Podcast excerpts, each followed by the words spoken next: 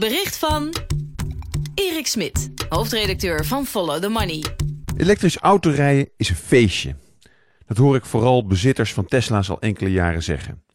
En ik moet beamen dat ze gelijk hebben. Die paar keer dat ik in zo'n auto meereed, raakte ik onder de indruk van het rijcomfort en vooral de wijze waarop de auto volledig is geautomatiseerd. Het is een iPad-auto, zei een goede kennis van mij aan de rand van het hockeyveld. Daarnaast is elektrisch rijden natuurlijk goed voor het klimaat en milieu. Bepaalt geen onbelangrijke details. Het genot van het rijden van een Tesla is ook een financieel feest. Per jaar ontvangen de bezitters van zo'n auto 19.000 euro indirect subsidie van onze overheid. Zo rekende Follow the Money huisanalist Roel Gooskens afgelopen weekende voor. Die subsidies werden eerder ook aan kopers van hybride auto's gegeven.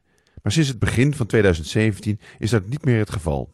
De verkopen van hybride auto's zijn vervolgens op dramatische wijze ingestort. Subsidies kunnen goed werken om het gebruik van bepaalde producten te stimuleren. Daar is in het geval van elektrische auto's het nodige voor te zeggen.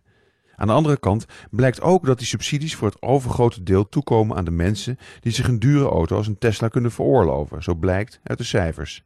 En dat is een beetje gek.